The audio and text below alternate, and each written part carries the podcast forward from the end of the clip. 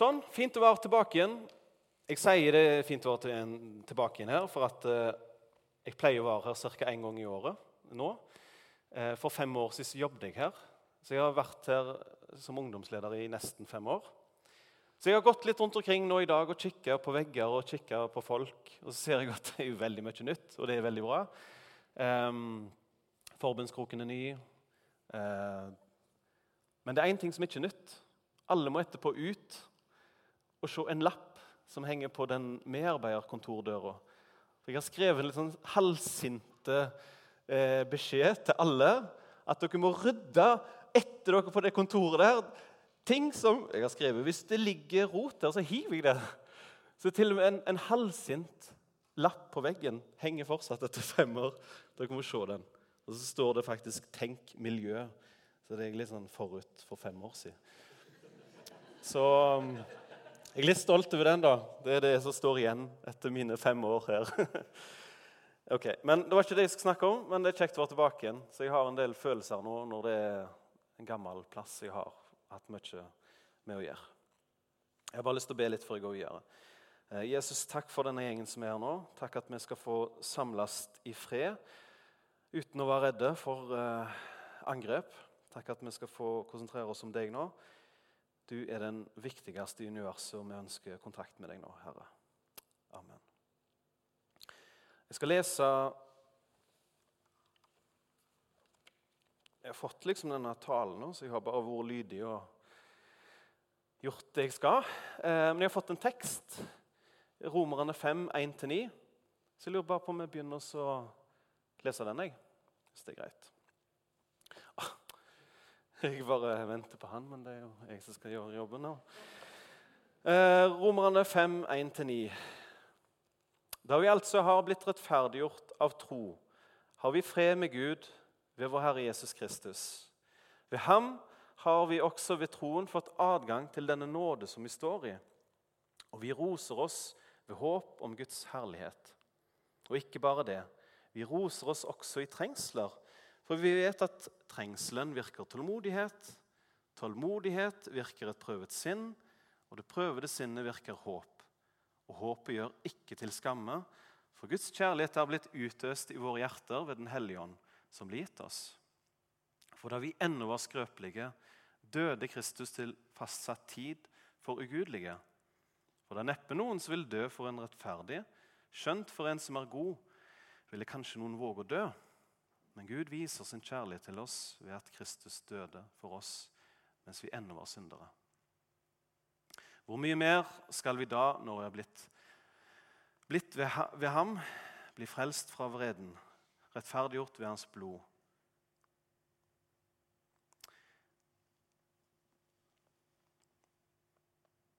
Mm. Jeg har bare lyst til å bryte opp disse her i tre bolker.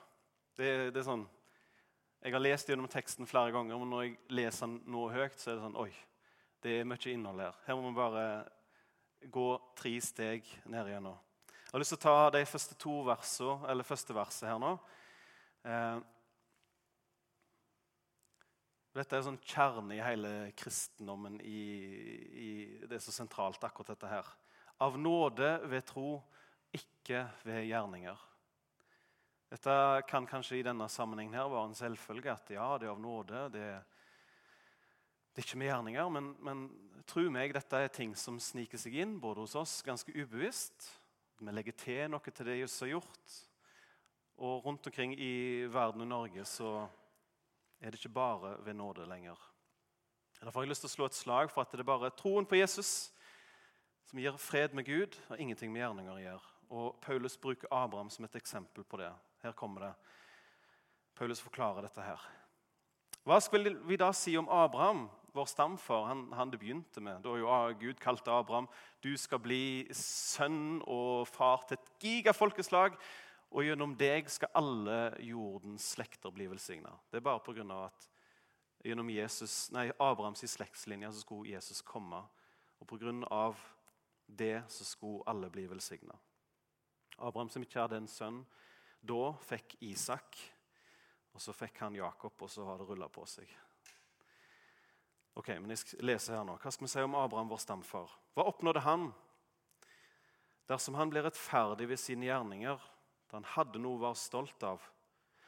Dersom han ble rettferdig ved sine gjerninger, da hadde han jo noe å være stolt av. Men overfor Gud har han ikke det. For hva sier Skriften? Abraham trodde Gud, og derfor regnet Gud ham som rettferdig. Så hopper jeg litt. Vi sa at Abraham ble regnet som rettferdig fordi han trodde. Når skjedde det? Var det før eller etter han ble omskåret? Det skjedde før han ble omskåret, og omskjærelsen fikk han som tegn som skulle bekrefte den rettferdighet av tro som han hadde før han ble omskåret. Ok, Hvorfor skriver Paulus om omskjærelsen og sånne ting skulle skje åtte dager på et guttebarn som var jødisk? Jo, fordi mange på den tida der blanda inn du må, Hvis du skal kalle deg en kristen, så må du, du må omskjære deg. Det er et minimum. Alle gutter må gjøre det. Og du må holde hele Moseloven. Altså de, de, fem første bøkene i Bibelen de skal du kunne. De skal du holde. Og Så kommer Paulus og skriver et forsvar for nåden. Og sier at det er ikke sånn. For se, troshelten Abraham, når ble han regna som rettferdig? Var det når han begynte å gjøre alle de tingene her, bli omskjørt og holde loven? Eller var det når han trodde på Gud og stolte på han? Jo, det var når han stolte på Gud. Så hvorfor kommer dere nå, da? Etterpå, sier Paulus. Og begynner å si at vi skal gjøre en haug med ting, når til og med de ikke har klart å gjøre det. Og de ble ikke engang frelst med å gjøre det. Men det var med tro da òg.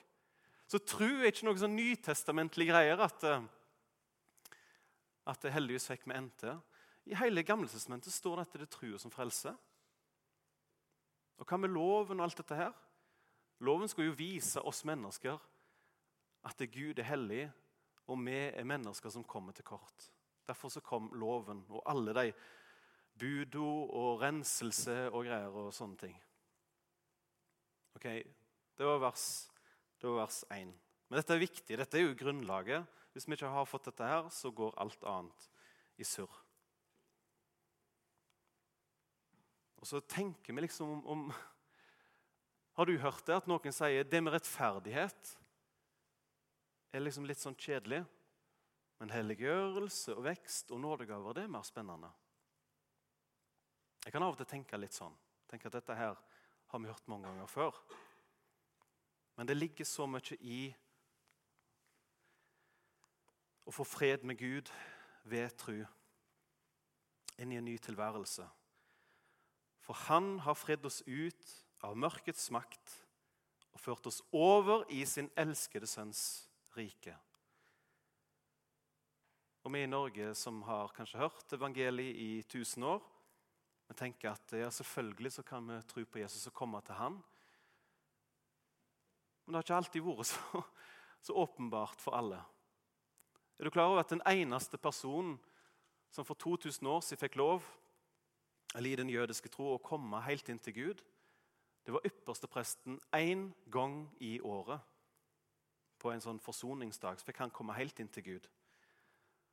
Og alle dere som sitter her, kan gå på den brua der, korsbrua, og komme helt inn til Jesus. Og så, og så, jeg tror ikke vi helt forstår gleden i det og hvor grensesprengende det er, for vi er vant med å høre om det, at det har vi tilgjengelig. Men hvis du hadde levd, vært jøde for 2000 år siden og tusla rundt i Jerusalem, så hadde du gått sånn her. Å, se på det tempelet. Og se på det ytterste presten. ja.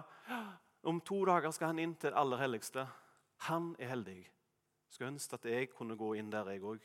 Inn forbi teppet, inn forbi helt der som paktkista står. Sånn hadde du tenkt. Da hadde du gått til et alter kanskje, ofra noe offer. Og du hadde trodd på Gud og sånne ting. Men det hadde vært ei grense. Nå får vi komme helt inn. Egentlig skulle vi jo sagt når dere som er kristne Halleluja! Dette er bra. Dette er grensesprengende. Våkne opp litt her nå.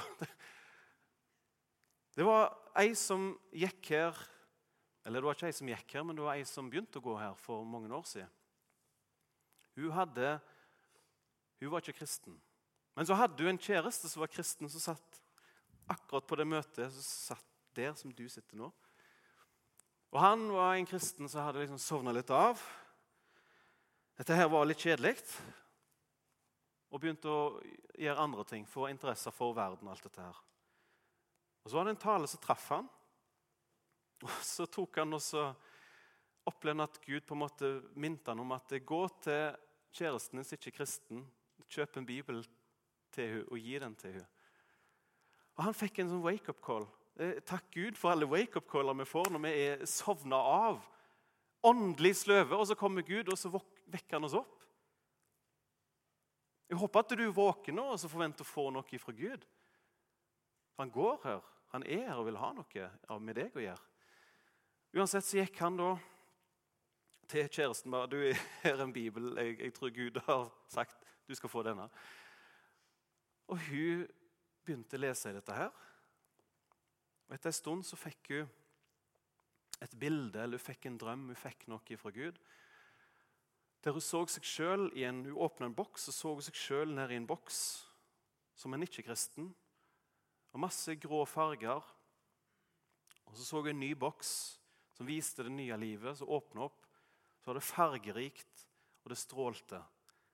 Så tenkte jeg selvfølgelig vil jeg velge dette rike livet med Gud og ville gå vekk ifra den grå tilværelsen uten Gud. Og så ble jeg jo en kristen. Og ting som har skjedd i dette rommet her. Og de er nå gift og følger Jesus, begge to, med familie. Så kalle, Gud kalte hun.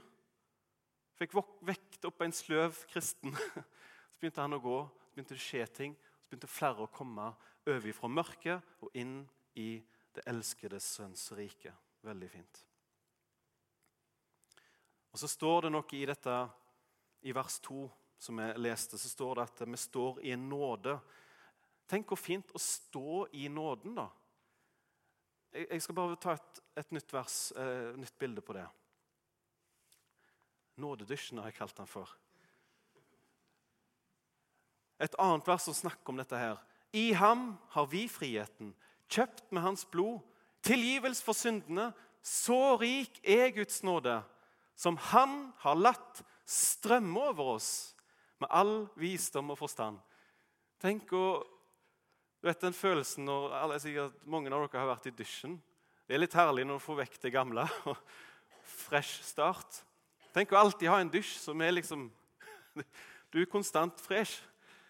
Gud bare liksom sørger for å, å, rense deg og hjelpe deg og støtte deg med alt. Og så strømmer det over. Det er liksom ikke en dråpe av og til. Men det er at det skal strømme. Nådedusjen. Dette står det om. En nåde som vi står i. Og Efeserne sier det på den måten. Det strømmer over. Tenk da at vi skal, når vi er i denne nådedusjen, vi skal slippe å leve i, under trelldom, under andre onde makter.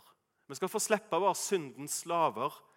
Vi skal få slippe å leve i frykt for døden, for Gud sjøl har gitt oss dette. Og så I denne her eh, nådedysjen så får vi varig fred med Gud. Og så har jeg lyst til å snakke om to fredsbegrep som jeg tror liksom av og til vi blander litt som kristne og kan bli litt forvirra av. For Nå snakker vi om rettferdiggjørelsen, fred med Gud. Eh, sånn som det her. Vi får navnet oppskrevet i livets bok. og Det er uavhengig av dagsform. Det er jeg så glad for. Tenk hvis jeg har en dårlig dag, og, og, og så gjør jeg noe dumt, sier noe feil, lyver eller et eller annet sånt. Og akkurat idet jeg lyver, der kommer Gud med blanken, Så stryker han meg jammen meg ut. så det var en dårlig dag. Eh, men så er det sånn at når vi står i nådedusjen, så er det sånn at Gud Gud er raus med oss, er tålmodig med oss. Han vil reise oss opp og få oss videre. Så den der eh, rettferdiggjørelsen er jammen sterk. Det er ikke sånn at den dagen du synder, så ble du ikke kristen lenger. Han jobber med deg, tålmodig med deg. Og så er det En annen type fred jeg har lyst til å bare snakke om, som vi må skjønne forskjellen på, men også sammenhengen på. Og Det står om en glede vi kan få. En forsynende fred. Lukas 10, 20. Og Likevel sier Jesus når altså apostlene og disiplene vært ute på oppdrag. De kommer tilbake de opplever jo at ting fungerer. Evangeliet funker, forkynnelse funker. Og de kan be for syke og de kan drive ut demoner. Så kommer de tilbake igjen og er kjempegira. Og så sier Jesus Og likevel, gled dere ikke over at åndene, demonene, lyder dere, men gled dere over at navnet deres er blitt innskrevet i himmelen. Skjønner dere at du, du er rettferdig når du tror på Jesus, er rettferdig om du har glemt det ut en dag, eller noe, hvis du skjønner, så er du fortsatt rettferdig. Om du ikke ba i bønn den dagen. her. Men hvis du reflekterer over at eh, Tenk at jeg er en kristen. Tenk at jeg skal få komme inn til det aller helligste hver eneste dag. At det er fri adgang, at Jesus elsker meg, at jeg skal slippe å bekymre meg for morgendagen. Så kan det være at du får en glede som blir forsterka i deg når du mediterer og fokuserer på dette her. Så Jesus sier jo at det, er en grunn til glede. Et annet vers. Jesus sier en fred etterlater jeg dere. Min fred gir jeg dere. Ikke den fred som verden gir. La ikke hjertet bli grepet av angst og motløshet. Vi kan erfare gleden i verden. Jeg har levd masse i verden sjøl. Det er en, nytelse, men det er kortvarig, som vi stadig ha.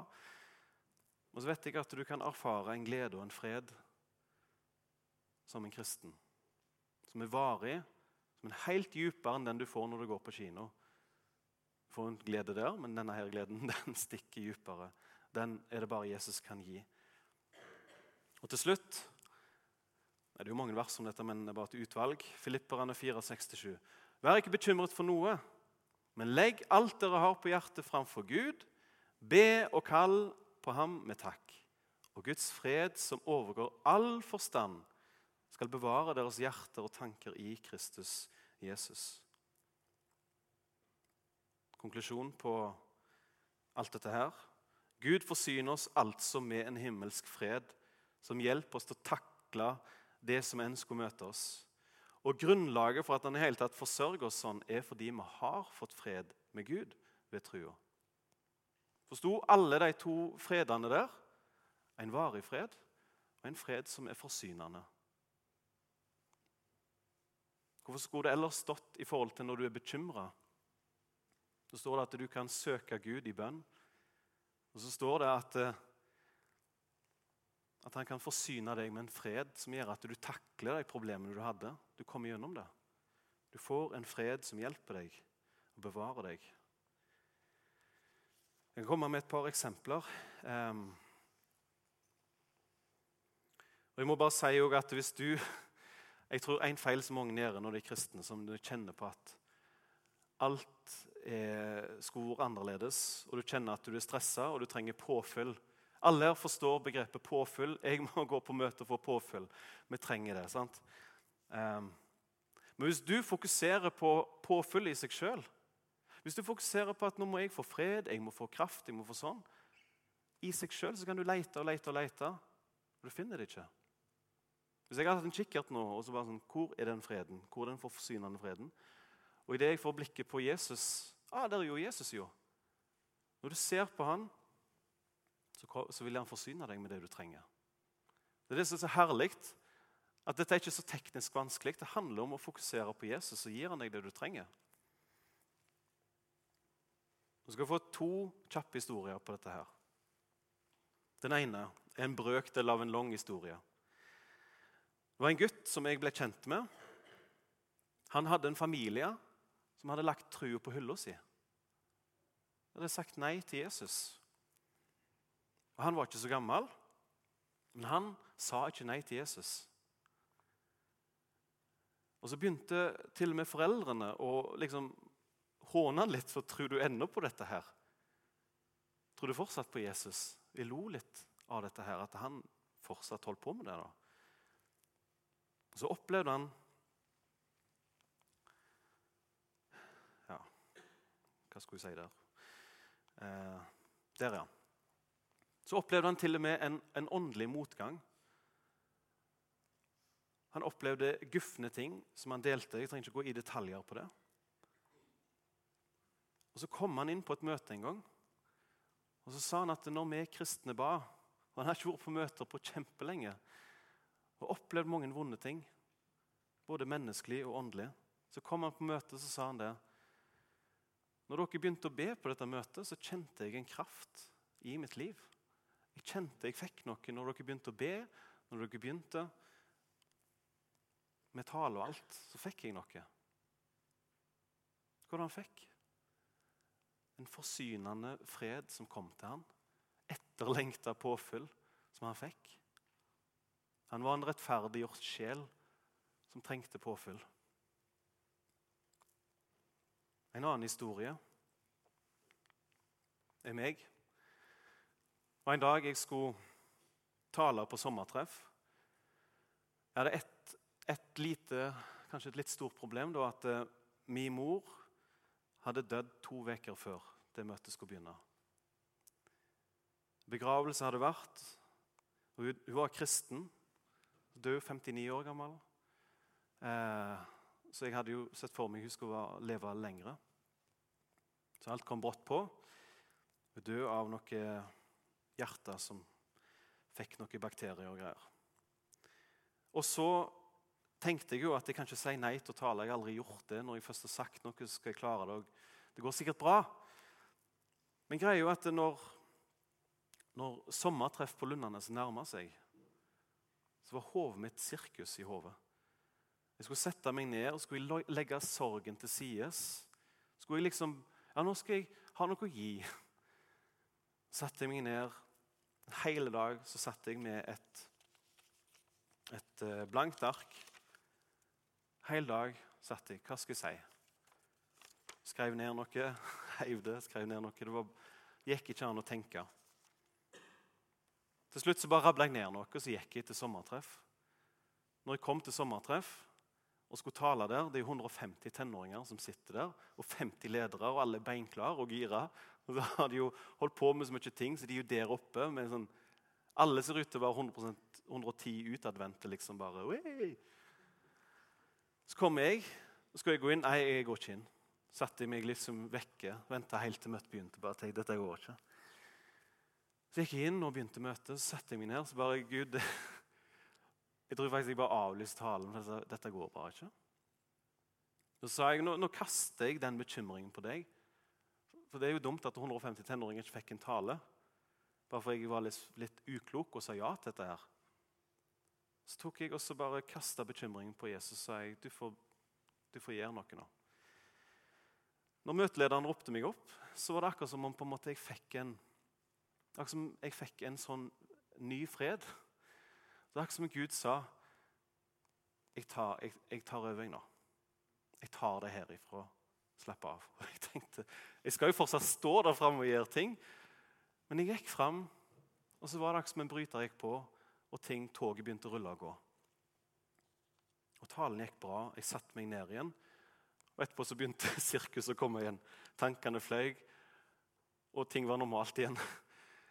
Og jeg bare gikk rett etterpå. Folk bare sa ja, kjekt du. Og jeg bare Vi snakkes. så gikk jeg.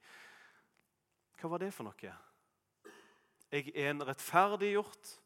I, ved trua er jeg rettferdiggjort. Og så har Jesus sagt jeg skal ikke være som foreldreløse på denne jorda. Han skal forsyne meg med sin fred. Vær ikke bekymra for noen ting. Og Sånne ting, erfaringer, kan vi få oppleve. At det, som står i Bibelen, er ikke tekstbok, Det er ikke teori, men det er faktisk noe reelt. Og ordet stemmer.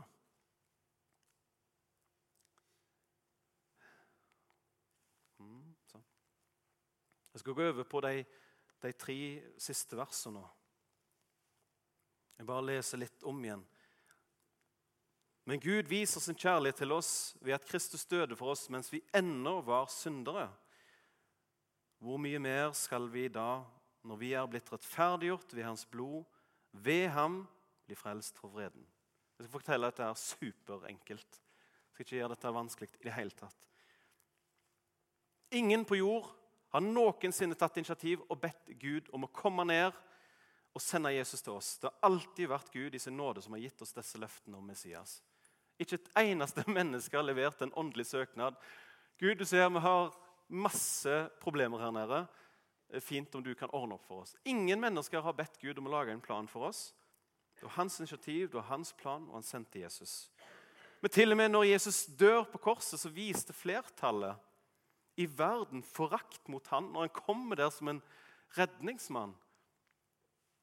Og så får han forakt. Det er to-tre som støtter Jesus i verden. Så er det to-tre tusen som hater han, som roper korsfest, som spotter han. Og så, kom, så henger Jesus der ennå. Hun har avbrutt når som helst. Bare tar teisen til himmelen og sier dette gidder jeg ikke. For vår måte på hvordan dere oppfører dere. Kunne sikkert skapt en ny klode og bare liksom begynne på ny. Men han henger der og står løpet ut for min og din skyld. Det viser en veldig djup og fast kjærlighet til oss syndige mennesker. Det står jo at han viser sin kjærlighet til oss men ved at Kristus døde for oss mens vi ennå var syndere. Og Siste del i det verset, eller i neste vers så står det at, på en måte at frelsespakken ligger nå klart for alle. Frelsespakken ligger nå klart for alle. Om noen skal høre evangeliet og komme til tro og pakke ut denne her, så står det egentlig på en måte at det er Guds største interesse å bevare deg. Og få, når du først har blitt rettferdig, så vil en jo dra fangsten i land og få deg til himmelen. Og Her ligger det et veldig godt grunnlag for frelsesvisshet. Og når, du først har blitt en kristen og ønsker å følge Jesus Du er ikke lenger en av de 3000 som spotter han som står imot ham, men du har faktisk sagt 'jeg tar imot deg', han har flytta inn i ditt liv. Så sier Jesus på en måte Du ser jo at jeg, jeg holdt ut når 3000 spotta meg. Og når du først har tatt imot deg, tror du jeg kommer til å gi deg opp da? Tror du virkelig jeg kommer til å gi deg opp når du faktisk er, er kommet på laget her nå? Nei, jeg har lyst til å bevare deg. Jeg har lyst til å berge deg hjem. Og så tror vi liksom ikke at dette her alltid er. Liksom ikke det går opp for oss at, det, at det er, jeg er nå virkelig en kristen når jeg tror på Jesus. Sånn skikkelig kristen. 100% kristen. Jeg skal bare ta tre grunner til at jeg tror at vi sliter litt med det der. Det ene er at vi blander mellom den konstante freden med Gud og den variable freden med Gud som, som vi trenger, får i lønnkammer, får på møter, som vi trenger. Så jager vi etter den variable freden, og så blir det liksom ankerpunktet. Hvis ikke den er til stede, så er jeg ikke frelst skikkelig. Noen blander de der. En annen ting er at det ligger i vår natur, menneskenatur, at du skal jobbe for lønna. Jobb for lønna di. At du må bidra til dette for at det virkelig skal gå godt. En tredje punkt som jeg, jeg tror, som jeg iallfall har, som jeg kjenner meg igjen i, den tredje tingen er at vi ser ikke helt for oss. Ok, Du tror på Jesus, du har tatt imot han i hjertet, du vil følge han. Og så er det den greia med Hva skjer egentlig når jeg dør? Hva skjer egentlig? Er det sånn at det kommer en, him, en, en engel fra himmelen og bare sånn OK, hold deg fast nå. Nå for vi av gårde. Hvordan er det egentlig det skjer? Har ikke du noen gang tenkt på det? Hvordan vil det bli når jeg dør og tror på Jesus? Vil det bli sånn at det er mørkt? Og at jeg merker at det er mørkt, og bare sånn hører jeg stemme Estimert ventetid sånn, til himmelen liksom er alt er klart. Er det sånn det? Estimert ventetid ca. 3000 år. Skal, er det sånn det, eller hva er det egentlig? Jeg lurer jo på dette her nå. Hva er det som skjer? Er det brått, eller må vi vente? Jeg skal bare si at um, disse tingene her, at vi ikke helt ser for oss ting, gjør at vi kan bli litt usikre og lure. Jeg syns det er veldig stilig at uh, det er én kristen som jeg vet om. Uh, han var en veldig brennende disippel. Han, han, han var teolog. Han hadde doktorgrad i frelse og frelsesvisshet. Han var professor i dette her. Eh, han hadde til og med vært med, med Jesus i tre år og var, eh, var disippelen Johannes. Jeg sier jo bare det der med doktorgrad og sånt, det er Dere vet jo bare tull. Men jeg sier det for at han hadde virkelig fått sett noe. Om han ikke hadde, hadde det skriftlig, så han hadde virkelig sett noe. Så ser han et syn ifra himmelen i Johannes' oppmaring. Ser han alle folkeslag som står foran Gud i hvite klær med palmegreiner. Og så står de der og priser Gud. Og Så ser han engler, så ser han noe som de kalte for eldste, og noe som heter livsvesener, som òg bøyes ned, og alle gir ære til Gud og til lammet, til Jesus. Og så sier en av de eldste, en av de som er nær trona til Gud og Det er jo et mektig syn. Tenk å se nordkoreanere i lag med sørkoreanere i lag med amerikanere og kinesere. Og alle står med palmegreiner. Yeah! Ære til Jesus. Det, det blir et mektig syn. Og så sitter Johannes der og bare OK, dette var nytt. Dette har jeg ikke sett før. Og Så spør en av de eldste hvem er alle disse her? Hvem er alle disse? Og Så sier frelsesvisshet, doktorgrad-eksperten Du vet. Han sier faktisk 'Herre, du vet det'. Han blir så satt ut av det nye synet at han ikke engang klarer å svare. Han som er eksperten på dette. her. Hvem er det som blir frelst? Jo, det er ved tro, det er ved Jesu blod. Det er skrevet i 1. Eh, Johannes brev om at det er Jesu blod som renser. Og på kappene til disse mennene og kvinnene, de hvite kappene, så var det rødt blod ifra Jesus. Det viser at de er, de er der pga. Jesu blod. Og Så sier den eldste må svare for Johannes. Jo, det er de som har fått tvetta sine kjortler og gjort de hvite i lammets, i lammets blod, som står her. Det, det er de frelste. Et enormt mektig syn. Vi ser ikke alt for oss. Til og med han ble litt satt ut. Det er ikke rart at jeg og du kan bli litt sånn satt ut. Hvordan blir det egentlig? Jeg har bare lyst til å ta en kristen som møter døden. Sånn er det for oss. Første kor 15, 55-57. Død, hvor er din brodd? Død, hvor er din seier? Dødens brodd er synden, og syndens kraft er loven. Ja, det med loven er jo bare at Når vi leser alle budord, så ser vi jo vi strekker jo ikke til. Men Gud være takk som gir oss seier ved Herren Jesus Kristus. Ved vår Herre Jesus Kristus. Så står det at død har en brodd. og Det er jo et bilde på liksom det, brodden til en skorpion. Det som er stilig når vi blir kristne, da, er at Jesus tar den der brodden som er giftig, som er farlig, som er bilde på synda, som bilde på døden. Alt som kommer inn med syndefallet. Så tar så tar han Jesus den brodden og så bare Så brekker han den av. Så hiver han den vekk. Og så kommer du som en kristen så bare sånn Yeah, en skorpion! Og så ser du bare sånn Han er faktisk ikke farlig. Men han er voldsomt ekkel. Så det er sånn uh. Det er jo egentlig det. Um, men greia er at når du ser litt nærmere, så er det, det er faktisk ikke farlig. jo. Jesus har tatt vekk det som er farlig med døden. Så jeg er sikker på, når jeg ligger på dødsleiet en eller annen dag der framme, så er det ekkelt å tenke åh, dette er timen. Men det er ikke farlig. Så jeg skal tenke på den skorpionen når jeg ligger på dødsleiet. Ja, dette er vemmelig. Døden er vemmelig, men han kan ikke skade meg. Ingenting kan skille meg ifra Kristi kjærlighet. Dette her bildet er veldig fint å ta med seg. Dere skal få se en annen ting som gjelder for oss kristne som dør. Ja, der, der ble den tatt vekk, jammen meg. Ja, nå kan vi prøve seg. Ok. Dette her gir inntrykk på meg å lese om en som dør. Den første martyren, som heter Stefanus. Han har holdt en skikkelig god tale. Han har snakket om hele frelsehistorien. Han var ikke en apostel, men en, en, liksom en disippel, en, en, av de mange. Av de urkirken. Han snakket, han hadde delt hele frelseshistorien, og han hadde irettesatt jødene for å korsfeste Jesus. Og Jødene står rundt, de blir illsinte, det stikker det i hjertet, og så fyker de på han med steiner. Det var, det var, skikkelig, det var faktisk skikkelig gale.